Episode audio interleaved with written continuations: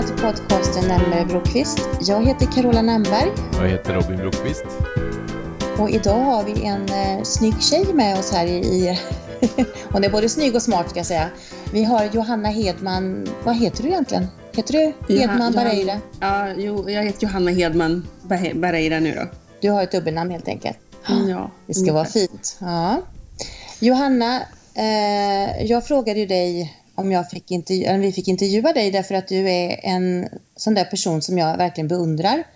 Du har, ehm, för att vara så pass ung som du ändå är, så har du gjort väldigt mycket i livet. Ja, tack. eh, Känns det, var det en bra början eller? Ja, det var, var mycket komplimanger där Ja, på en gång. Då, Mm. då brukar man komma, komma långt med. Nej, men, men ehm, det känns som att du, du, har, ehm, du har gjort så mycket olika saker i ditt liv och, eh, och vi är jättespänn- det är jättespännande att få höra om din resa när det gäller ditt företagande. Ja, Så det tänkte vi få fråga, ställa lite frågor jag och Robin. okej. Mm. Jag har ju lite, lite dålig koll på, på vem du är, men jag vet att ni befinner er båda två på andra sidan Atlanten just nu. Eh, Men vem är du, Johanna? Ja, vem är jag? Jag... ehm, Eh, ja, hur, hur, hur... Det är en stor fråga det. Ja, det, Eh. ja det, är väl, det är väl den frågan alla ställer sig. Ja, vem typ hela du? livet. Ja. jag? Ehm, jo, jag har bott här i... Jag är från Sverige då från början. Från Munkedal. Ja, från Munkedal från början. Det är mina gamla hoods. Ja. eh, eh, på västkusten då. Det vet ju ni som också är därifrån. Eh, och jag har bott i USA sedan 99. Så vad är det, 22 år nu tror jag. Är det så länge? Mm. Ja, det, tju- det blir väl 22 år va? Ja. Vi har båda jobbat inom finans, finans, bankindustrin eller bank, Och då använder man alltid miniräknare. Ja. miniräknare. Ja. Ja. Eh, och ehm, eh, ja, jag har familj här. Jag har eh, min man Nelson kommer från Brasilien. Och vi har två eh, pojkar som är tre och ett år. Eh, nu ropar de på Nu- mig. nu-. Nu är, det, nu är det så att nu får vi ta en paus här. Ja, ursäkta. Ja, ingen fara.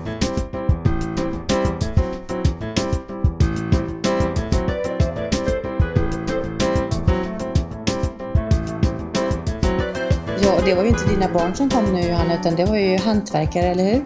Ja, precis. Ja. De håller på och klär in en... Vad heter det på svenska? En, En, en, fireplace. eh, en eh, eldstat kan man väl säga. Eller en bra, vad säger- brasa, kamin. Ja. eh, ja. Robin, vad heter det? Eldstat säger man väl? Ja, en braskamin. Öppen spis. Öppen Öppen, spis. spis. Mm. Öppen spis Mm, heter det. mm. Öppen spis. Mm. Så det blev ju jättefint. kommer att bli jättefint ju. Det får vi hoppas. Ja, jag, sitter, jag sitter här i Johannas eh, fina hem och det är så, ja, det är så, det är så fint och det är så typiskt också lite icke-svenskt kan man väl säga. Det är, Ja, det är det nog kanske. mm, men det är väldigt fint och det är mycket, ja det är fräscht. Det har du verkligen lyckats med, inredningen. Tack så mycket. Mm. Ja. Ehm, men då undrar jag Johanna, hur hamnade du här i Miami då? Var, från Munkedal till Miami? Ja, eh, när jag var åtta år så åkte jag och familjen på en sex veckors semester till Kalifornien. Och då bestämde jag mig att jag skulle flytta till USA jag Det är ju stor. Häftigt alltså. Häftigt. Vet de om att de är orsaken till att Ja, du... det har de ångrat bittert säkert. Mm, mm. Nej, men jag, jag, jag förstår ju nu när jag är, har egna barn hur hemskt det skulle vara om ens barn skulle bestämma sig att flytta en halv värld bort. Det vill man ju inte uppmuntra precis. Men du, vad var det då som gjorde, vad var det som var så himla häftigt tyckte du då? Nej, men jag år? trivdes väl aldrig riktigt i Munkedal. Nej, det, nej, jag trivdes inte jättebra där. Ehm, så jag hade väl alltid tänkt att jag skulle flytta någon annanstans, men Kanske det är ju till Göteborg då, hade det varit rimligt? ja, kanske det. Jag, vet, jag tänkte nog inte så jättemycket på var jag skulle, skulle flytta innan, om man säger så. Om jag, ja, alltså åtta år är ju väldigt, väldigt ungt. Mm. Så, och nu börjar de hamra här ute, hoppas inte det hörs för mycket. Ehm, nej, men ehm, nu, nu när jag tänker till, när jag ser barn som är åtta år eh, och tänker att, att så gammal var jag när jag bestämde mig för det. Och det var någonting som jag var helt fokuserad på tills jag flyttade till USA när jag var 19. Så, ehm, så är det ganska galet faktiskt. Vilket driv du har haft då egentligen från början, kan man väl säga? Ja, det, jag har väl haft det. Jag tänker kanske inte alltid på att det var så, men det är ju faktiskt ganska... Alltså att vara så ung och bestämma en sån sak. Och här kommer min man in. Hej, hej! Vill du säga hej till podcasten? Hej, hej! Duct. Okej. Have Ja. Renewed the drive license. Vi låter Okej, det okej. rulla, vi låter det All right. rulla. Mm, mm, mm. That's okay, we're, we're recording. Mm. Time out? Mm. For who? For you? Yeah. Okej, alright. Så One vänta minute, lite. yeah. Okej. Då, då tar vi lite, nu paus, pausar vi då. Mm, mm. Shall I leave? No. No, no. You sure? Mm, mm.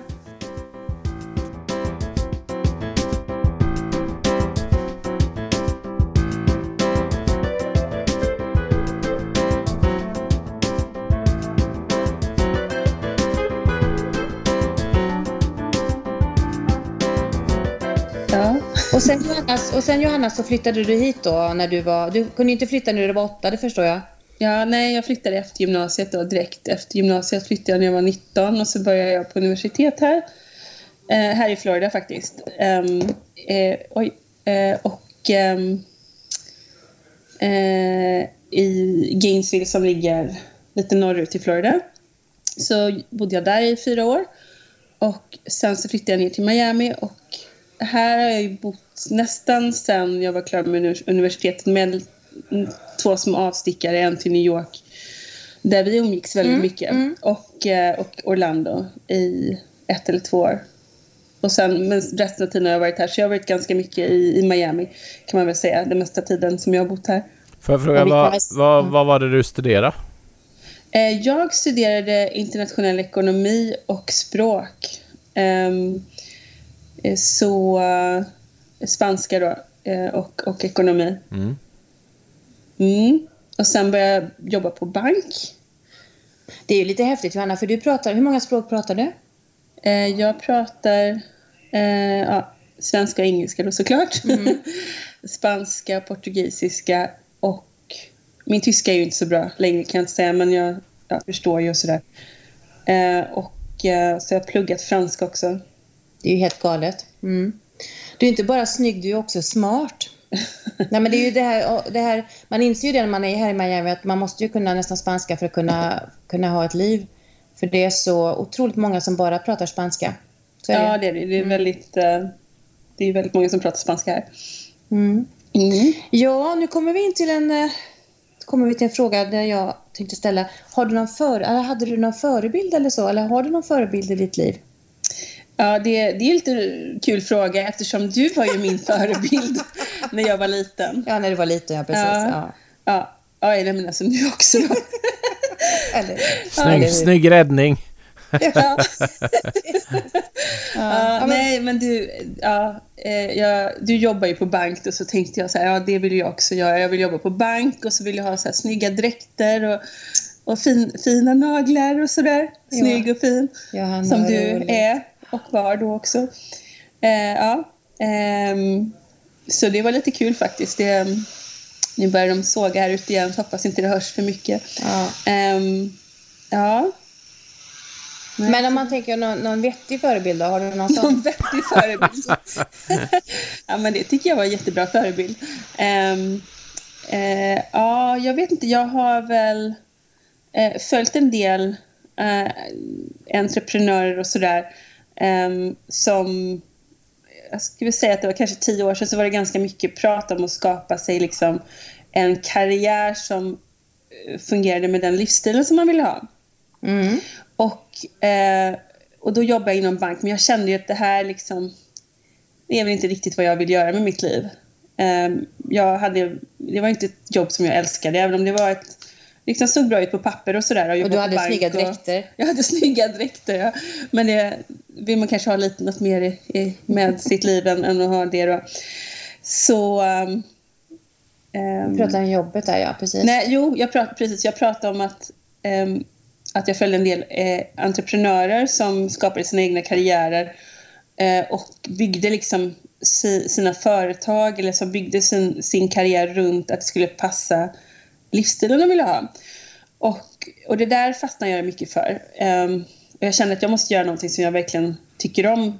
Eh, ja, tanken på att vara kvar på banken som jag såg att vissa andra eh, av mina kollegor var som hade jobbat där kanske i 40 år.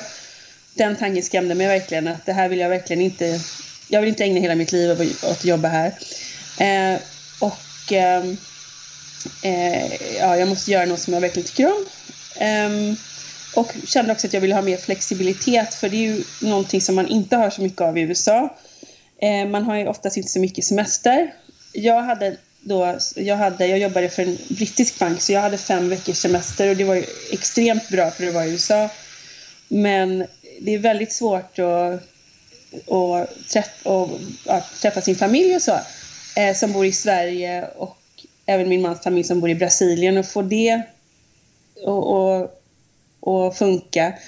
Och även tanken på att om vi ville ha barn i framtiden att, eh, ja, att då är man ju ledig tre månader och sen så får man gå tillbaka till jobbet. Och det kändes inte som att det var någonting som skulle funka heller.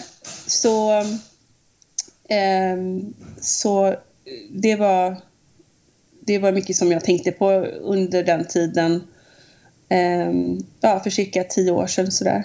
Men du berättar nu då Johanna, vad är det för, vad är det för, för liv du har skapat dig? Liksom? Vad, är det för, vad gör du för någonting? Berätta om din business.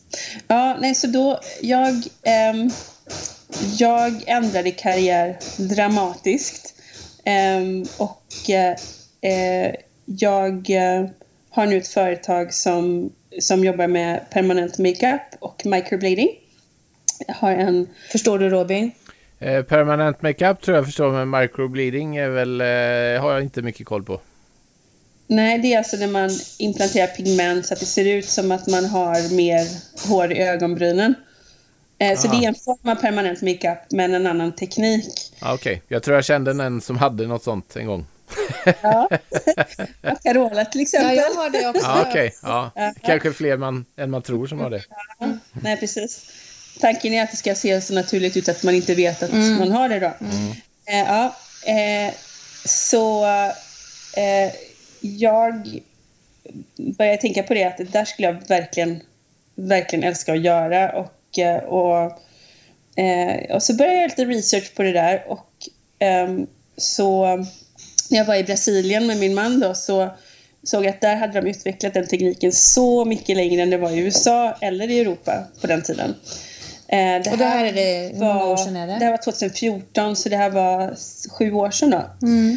Eh, så jag började göra en liten businessplan och sådär och så började jag eh, och göra research på vad jag kunde lära mig det här. För då, fanns, då var inte det någonting som eh, gemene man visste vad det var för någonting ens. Det var innan Eh, det blev mainstream så att säga. Eh, så då hittade jag den som var störst och bäst i Brasilien på det här och hon var en av de duktigaste i hela världen. Och så började jag ringa dit varje vecka för att se om jag kunde få en tid på, på kurs hos henne. Du körde uttröttningsmetoden alltså? Ja, ungefär. Det funkar Nej, men de, de sa så här, nej vi har ingen information, ingen information nu men ja, du kan ju ringa tillbaka om ett tag ringde nästa vecka och så sen helt plötsligt, ja nästa vecka börjar en kurs sa de.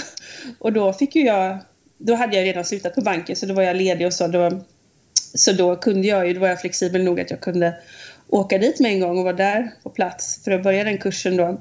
Eh, och när jag kom dit så hade de sagt att det skulle vara eh, en månads kurs tror jag. Och så kom jag dit och så, så, så berättade de då att nej, den har blivit utlagd på sex månader. Oj. Så då var det bara att gilla läget. Mm. så då bodde jag hemma hos mina svärföräldrar. I sex från, månader? Från och till i sex månader, ja. Det wow. gjorde jag. Mm. Mm.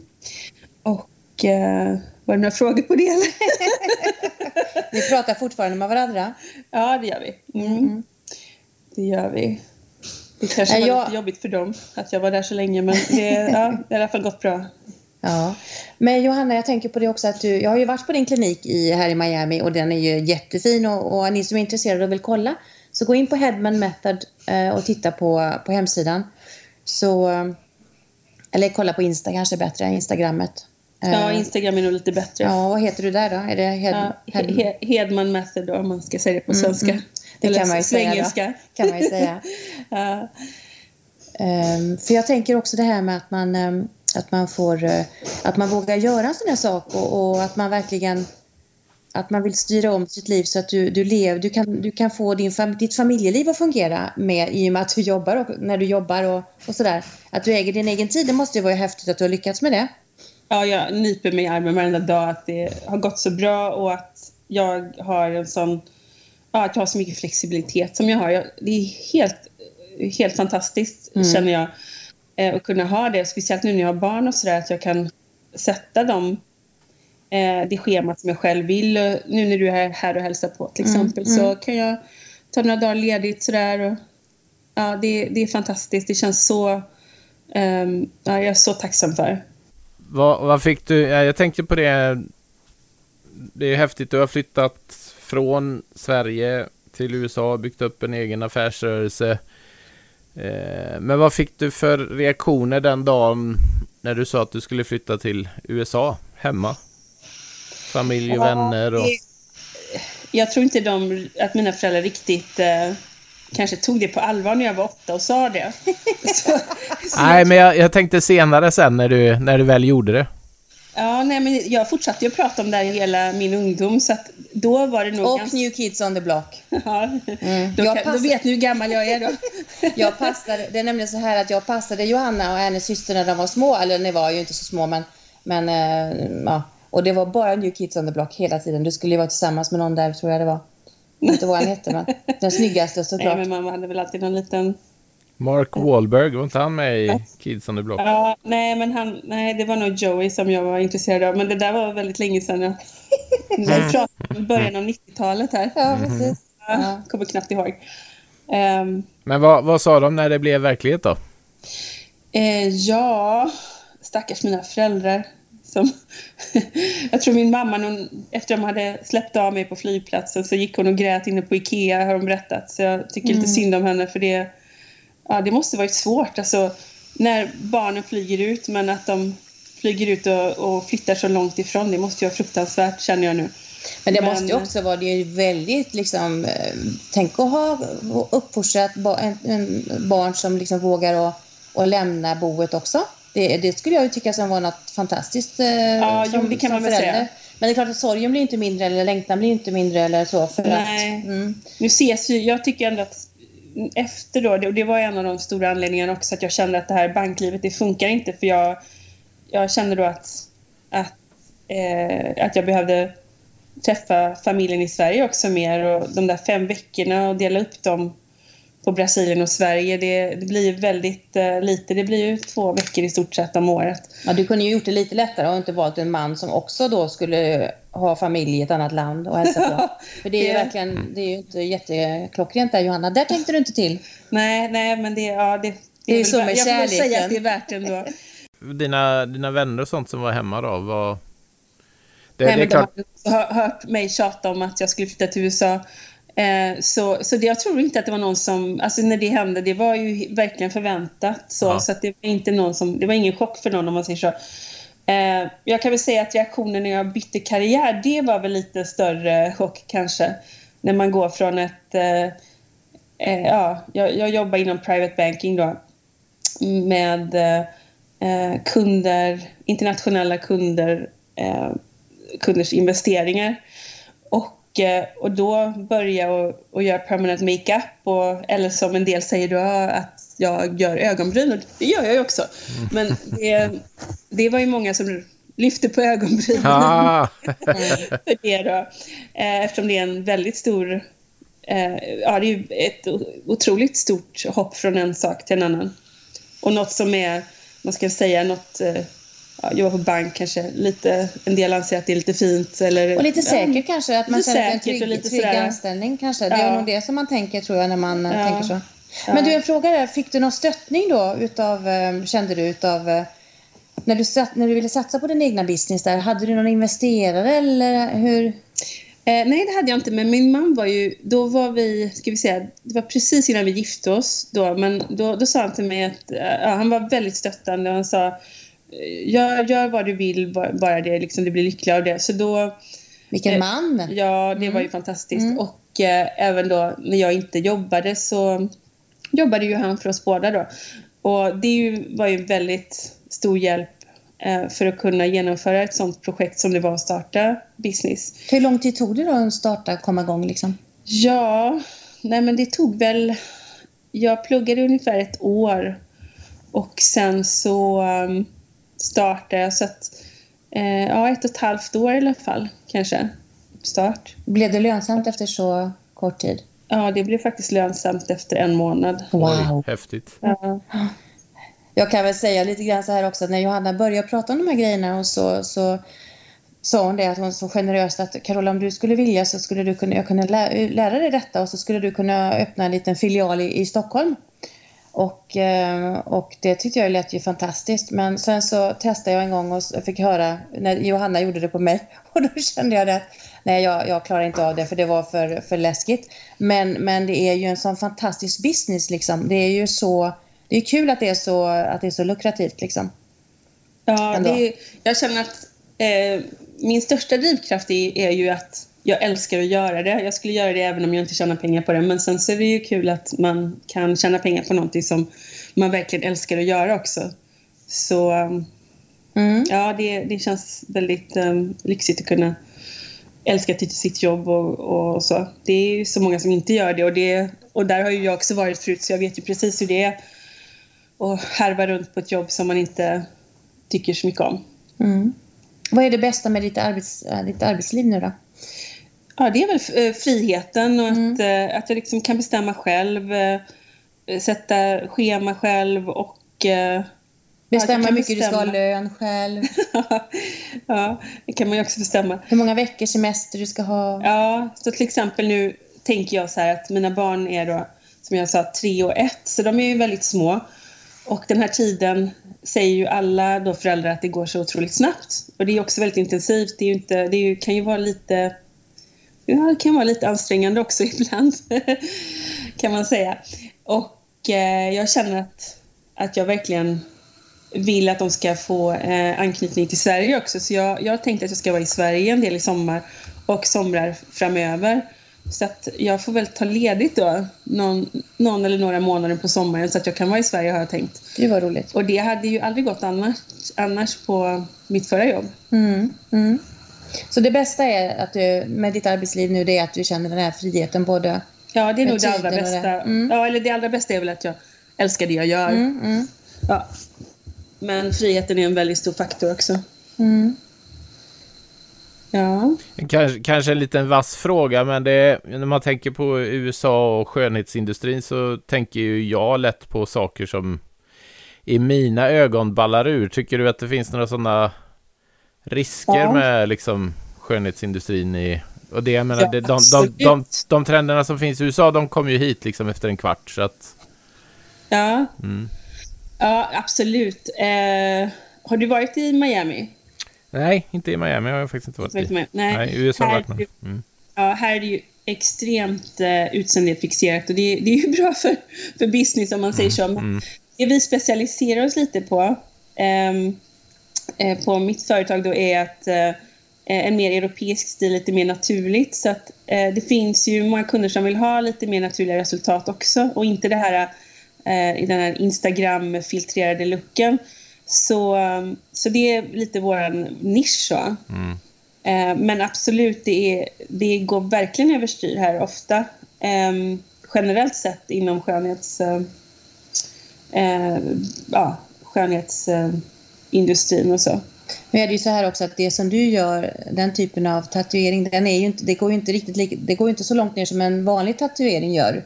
Men Utan den, den, håller den, inte lika länge. den försvinner efter ett antal år va? Två, Ja. ett eller två va? Ja, precis. Man bör underhålla den varje år och eh, om man inte underhåller det så, så efter några år så, så har det bleknat. För de allra flesta har det ble- bleknat helt. Kanske Det är ett klockrent upplägg. år. Det här med att man måste göra, fräscha upp det lite. Men genom, då, får du in Det- pengar igen. Ja, det, det, men sen är det också bra för att kunden kan eh, ändra, ändra stil och så. Så man behöver inte... eh, Man kan gå från att ha ostbågar ovanför ögonbrynen till Ja. måsvingar, eller hur, hur tänker du? ja, om, det, om ostbågar är inne i år så kan man eh, ändra det om tre, tre år om man inte vill ha ostbågar till ö- ögonbryn. Ja, just. Nej, skämt åsido. Mm, mm, mm, mm. Det vill vi inte ha. Ostbågar Nej. vill vi inte ha. Jag tycker jag har sett sådana faktiskt här. Ja, det, har vi, ja, det gör man. Nej, men jag tänker på businessen förstår jag nu och jag förstår liksom att um, som sagt var, det är ju jättekul att kunna ha och skönt att ha den här friheten och speciellt nu när du har ett sånt familjeliv att du, ni är utspridda över hela världen. För det är ni ju faktiskt. Ja, det är eh, då är ju det värt jättemycket. Eh, men saknar du någonting av Sverige då? Ja, jag saknar familjen, Mm. självklart. Mm, mm. Och, eh, eh, och maten. Vad är det för mat då? Eh, ja, svensk, vanlig svensk mat. Husmanskost tänker du då eller? Ja, alltså bara generellt svensk mat. Det, ja, det, Vad är svensk mat undrar jag då? Jag tror det är många sådana grejer som man åt när man var liten. Mång, mycket mat från barndomen eh, som, man, ja, som man förknippar kanske med trygghet och sådär. Ehm, jag har ju kardemumma i allt som, Ja. så att allt ska smaka som kardemummabullar. Jag har kardemumma i mitt kaffe och kardemumma i gröten och kardemumma i... Vad har jag med kardemumma i? Riset. Mm, mm. Ja. Ja, nej, så att det är ja, svensk, svenska räkor till exempel. Svensk lax. Ja, Eller norsk lax, lax, men svenskt utförande kanske. Ja, just det. Mm. Ja. Ehm, ett ord som beskriver dig, Johanna, om du bara får ha ett ord. Det är inte det som ska stå på din gravsten, men det är det som, ska, det som, du, vill, det som du vill att... ehm, det som är... Det som, du får ha ett ord om det, som beskriver dig själv. Oj, det var svårt. Mm. Ehm, ett ord som beskriver mig själv. Kan, kan jag inte få fråga dig, om det istället? Vad skulle du beskriva mig som? Ja, det är svårt med ett ord faktiskt. Ja. Nej, men jag tänker, när jag tänker på det, om man man ska börja med att resonera kring vad, hur jag tänker så är det för att komma fram till det där enda ordet. Ja. så är det ju att det finns ju ingen som man... Det ska du veta Robin, att behöver du ha någonting, någon, någon undersökning eller du behöver veta någonting vad som är, vad, vad, är, för- vad är det för bästa dammsugare, vilken bil som är bäst. Alltså Johanna är otrolig på att eh, research liksom. Ja, men jag, jag tänker på ett ord eh, när jag har lyssnat på dig här och det är ju driven. Ja, drivkraft tänkte Ja, jag på ja, Ja. ja. Mm, mm, Jag skulle säga envis, men det kanske... Det, ja, men det, Det, går ju det ligger väl i det. Ja, precis. mm, mm. Jag Ja. tycker att driven låter trevligare än envis faktiskt. Ja, lite. Mm. Nej, men jag håller, det kan jag hålla med om. För du är, du är driven och du har ju... Och vad som än kommer i din väg så har... Jag menar åtta år i Kalifornien så kände du att jag vill faktiskt komma... Jag vill bo i USA. Och sen så genomför du det och flyttar till... Går på college. Och sen blir du kvar här. Trots alla visumproblem. Nu är hon på Instagram här. Kan du sluta med gång? Ursäkta mig. Mm. Ehm, ehm, nej men just det här med att du har den här drivkraften i dig. Att det, du, du får saker och ting att hända. Och sen kanske det blir lite extra mäckigt för att du, du tänker på så många... Du är sån där perfektionist, tänker jag också. Det är också ett ord som... eh, Men... men eh, Ja, jo det är ju. Det får jag ju jobba med. Det är ju bra. Det är faktiskt bra att vara perfektionist i det yrket som jag har när jag då eh, faktiskt tatuerar folks ansikten, Mm, om man mm. säger så. så är det ganska bra egenskap. Så det funkar ju för mig som, som tur är. Men samtidigt så är det ju också en fälla när man är entreprenör att man får inte vara för perfektionistisk för då får man inte någonting gjort.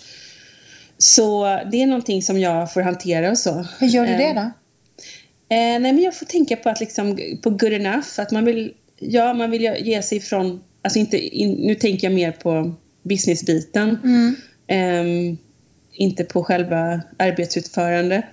Nej, just det. Men det, det ska ju Eh, såklart vara klockrent. Ja, nej, Men, ja, precis. Det måste ju vara väldigt hög, hög standard på själva hantverket som jag gör. Men, men när man gör, till exempel, man ska spela in en video, då får man ju tänka att nu gör vi det här och så, får det, så gör vi så bra vi kan. Och så, jag kan grotta in mig på detaljer som bakgrunden och såna här grejer och att, att det ska, eh, ljudkvaliteten ska vara bra och sådär. Det har vi ju släppt i det här Det programmet. har vi släppt totalt här. Ja, så att, eh, så det, det är någonting som jag försöker att aktivt jobba på så att jag inte fastnar för mycket. Och det är någonting som man får hela tiden, som man hela tiden får, får tänka och ha i, ha i åtanke om man säger så. Och, ehm, ehm, och ta i beaktning. Mm.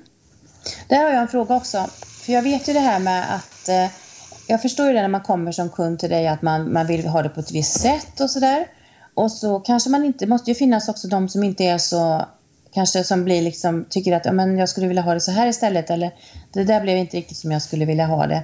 Eh, hur, hur tänker du kring det här med hur mycket måste du liksom gå emot din egna estetiska Du, du, vill, du tycker att det ska vara vackert. Du, du tycker att vackert är på ett visst sätt. Mm. Och så tycker, kommer det någon och vill ha ostbågar. Vad, vad gör, hur gör du då? Ja, det är ju lite svårt för jag, jag vill ju inte göra ett jobb som jag... Jag vill inte göra något och sätta någonting som, är, eh, som kommer att sitta på en kunds ansikte i flera år. Eh, semipermanent om man säger så. Eh, och göra något som jag inte tycker är snyggt. Det känns inte rätt och, um, mot kunden heller. Eh, men samtidigt så får man ju eh, tillmötesgå kunder och deras eh, vad de nu vill till en viss del. Eh, men eh, ofta är, kanske kunden har en idé om vad de vill ha och sen när jag visar dem en sketch på vad jag tycker skulle se bra ut så är det ofta som de håller med och, att, att, eh, och känner att det skulle bli bra, det som jag har föreslagit. Så jag försöker eh, lite på, på ett trevligt sätt att leda dem in på kanske någonting som jag tror skulle passa deras ansikten bättre. Så du målar alltså upp ögonbryn. När man kommer till dig så målar Ja, du upp ögonbrynen på, på, i ansiktet så man ser... Jag målar en, en design, alltså som en outline runt ögonbrynet när jag gör ögonbryn. Vi gör ju andra saker också men ögonbrynen är ju den stora grejen som du gör gör. liksom som en kontur som man ser då som en kontur bli. runt Mm. omkring eh, och mäter ut och sådär och, och, så att det ska se bra ut med resten av eh, ansiktet så det blir harmoni. Mm. Och skulle någon vilja ha någonting som jag absolut tror är fel och som jag verkligen inte känner mig bekväm att göra, då säger jag det.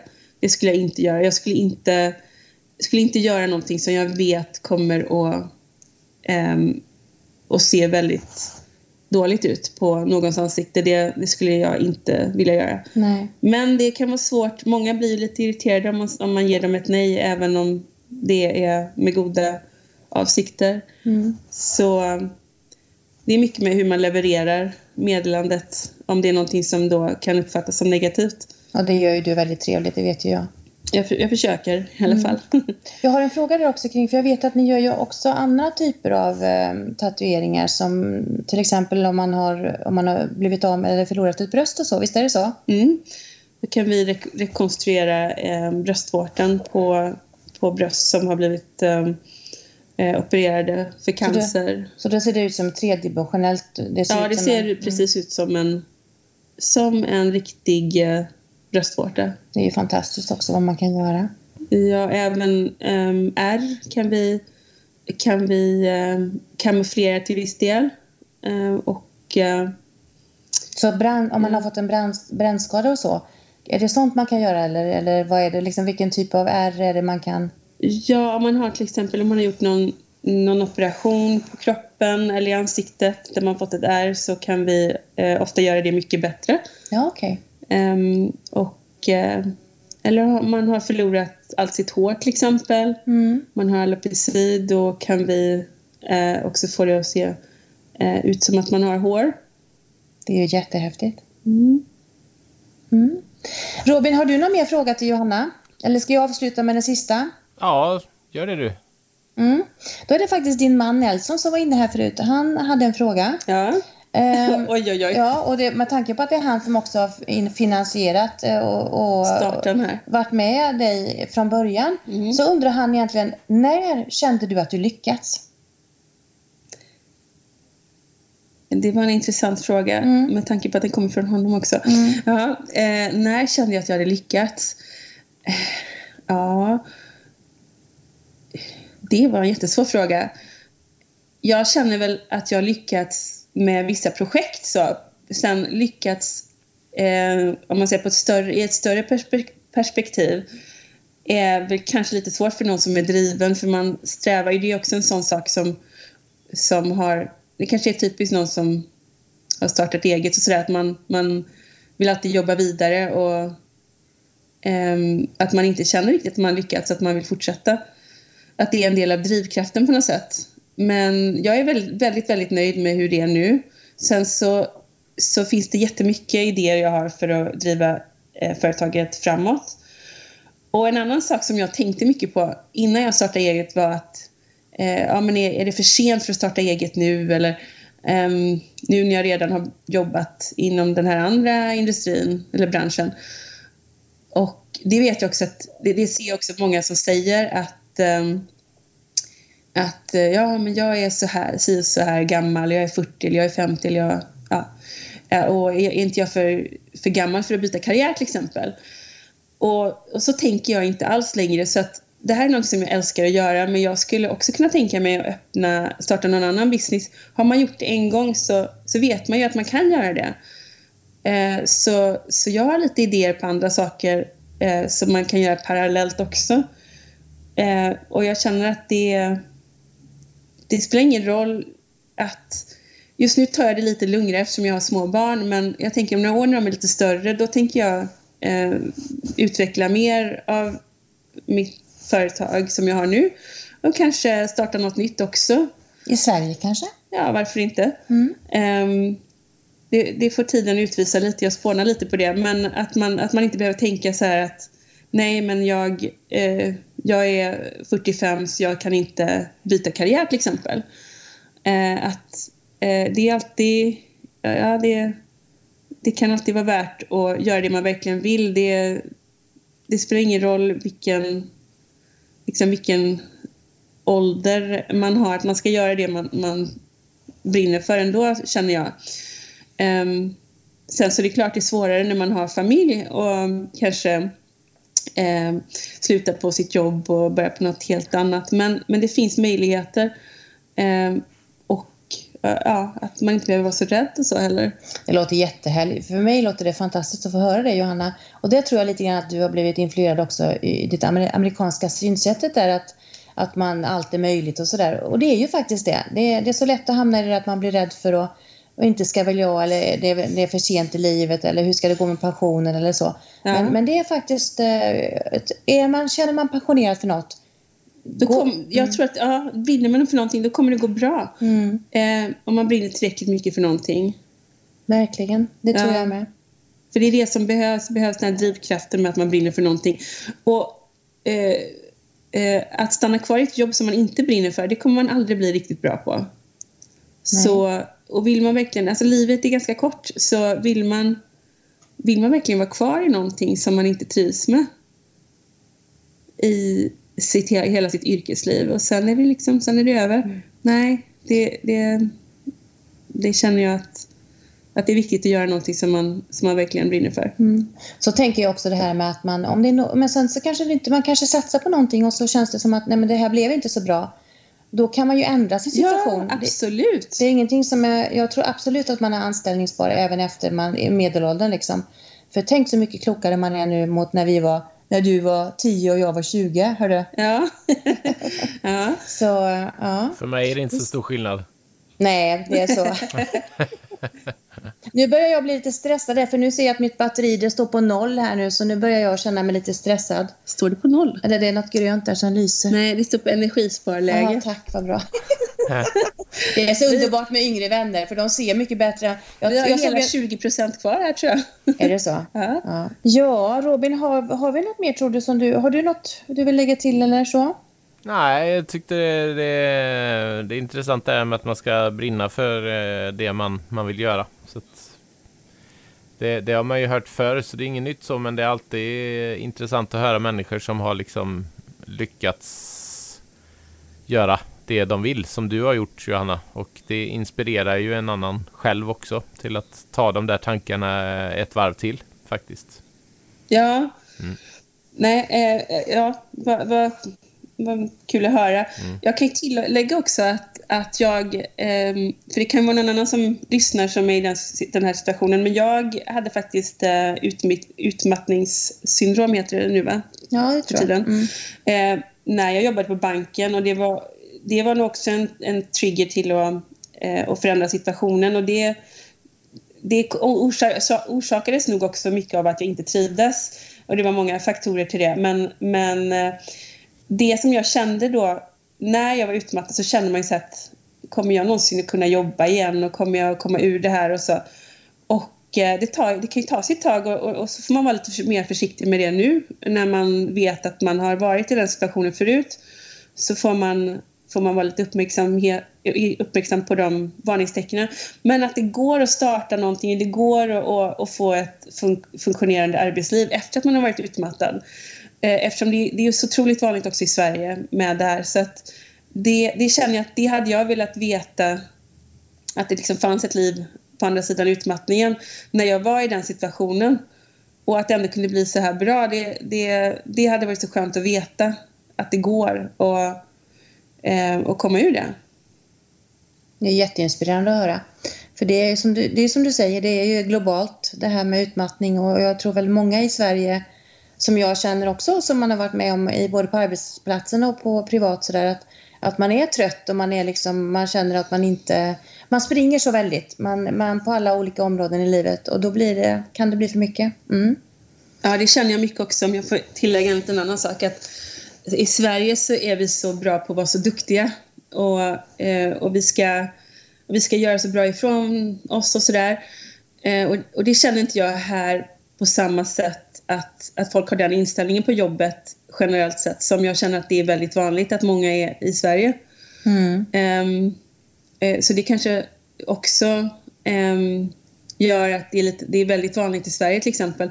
Här hör man inte så mycket om, om utmattning på samma sätt. Eh, men det, det, det, finns ju. Det är väl snarare så att folk går in i väggen och får en um, hjärtattack än att de går in i väggen och blir um, och blir um, uh, vad heter det, sjuk, uh, sjukskrivna. sjukskrivna. Mm. Det finns ju nästan inte sjukskrivning på, på det sättet här.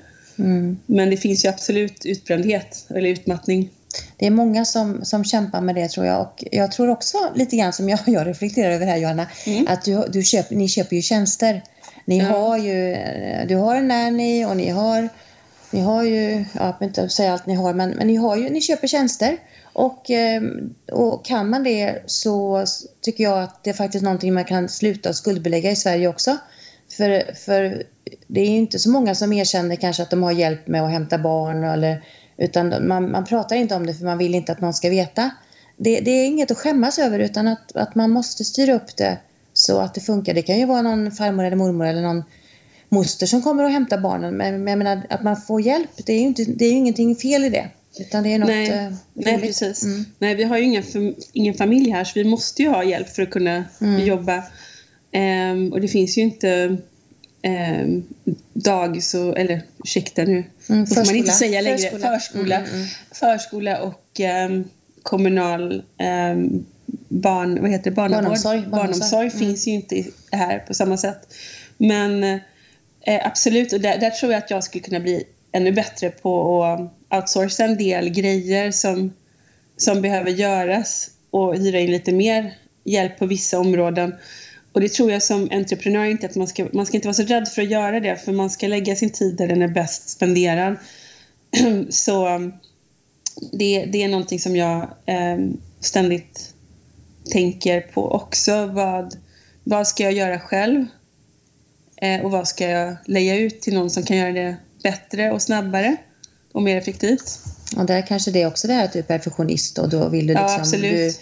Du, du, du vill att det ska, det går inte med... Ska, ja. man vill gärna att det ska bli gjort Köper du tjänsten så ska det vara gjort sätt. på ett bra sätt som du hade velat göra det på. Ja, det mm. där är, det är faktiskt... Eh, det, det kan vara... Det kan jag säga att det, det, det jobbar jag på. Mm, um, mm. Men vad skönt Johanna att du har saker att jobba på också. Det, det ja. gillar jag. Då gör det att det är lite roligare att, att hänga med dig. Det hade varit så jobbigt om du bara varit helt perfekt. Ja. Mm. ja. Lite så. Ja, jättebra. Ja. Robin, är du fortfarande med oss eller har du lagt av? Stängt, nej, nej, jag, jag, är med. Jag är med. Är med. Ja. Men nu verkar det som att även hantverkarna har lagt av. Det mm. var ju så dags nu. Vi hoppas att uh, detta outsourcade jobb blir bra gjort också. Oj. Ja, nu får vi kolla och ni, se hur Ni får gå och kika efter. Ja, vi kanske till och med lägger upp en sån bild på det på Eldstaden sen på Instagram, vårt Nämberg och Brokvist Instagramkonto. Just det. Får ni se, se vad ni tycker. Ja. Ja, men, men ska vi säga hej då härifrån varma Miami? Johanna? Det kan vi göra. Ja, det kan ja. vi göra. Du pratar med mig. Ja. Robin, är det okej okay med dig om har du snö eller hur ser det ut hos dig? Eh, nej, det är inte mycket snö kvar. Det är lite isbeläggningar på gatorna och någon plusgrad sådär. Så att, eh, men eh, hoppas det kommer lite mer snö. Ett par veckor till med vinter vill vi ha. Sen ja, får gärna våren komma. Ja, ja, men nu börjar det bli så här vår, eh, vårljus så att det är skönt alltså. Låter ju jättemysigt. Ja, det det. Jag kommer ju snart hem nu så att jag ser fram emot det. Du är välkommen Yes. tillbaka faktiskt. Tack, tack. Och tack Johanna för att du var med i podden. Ja, tack för att jag fick vara med. Det var jättekul. Ja. Johanna lyssnar ju på oss också. Ja, det är klart jag gör. Ja, så det är roligt. Så, Kalas. eh, Mm. Ha det så bra. Vi Ha det bra. Hej då. Hej. Hej då.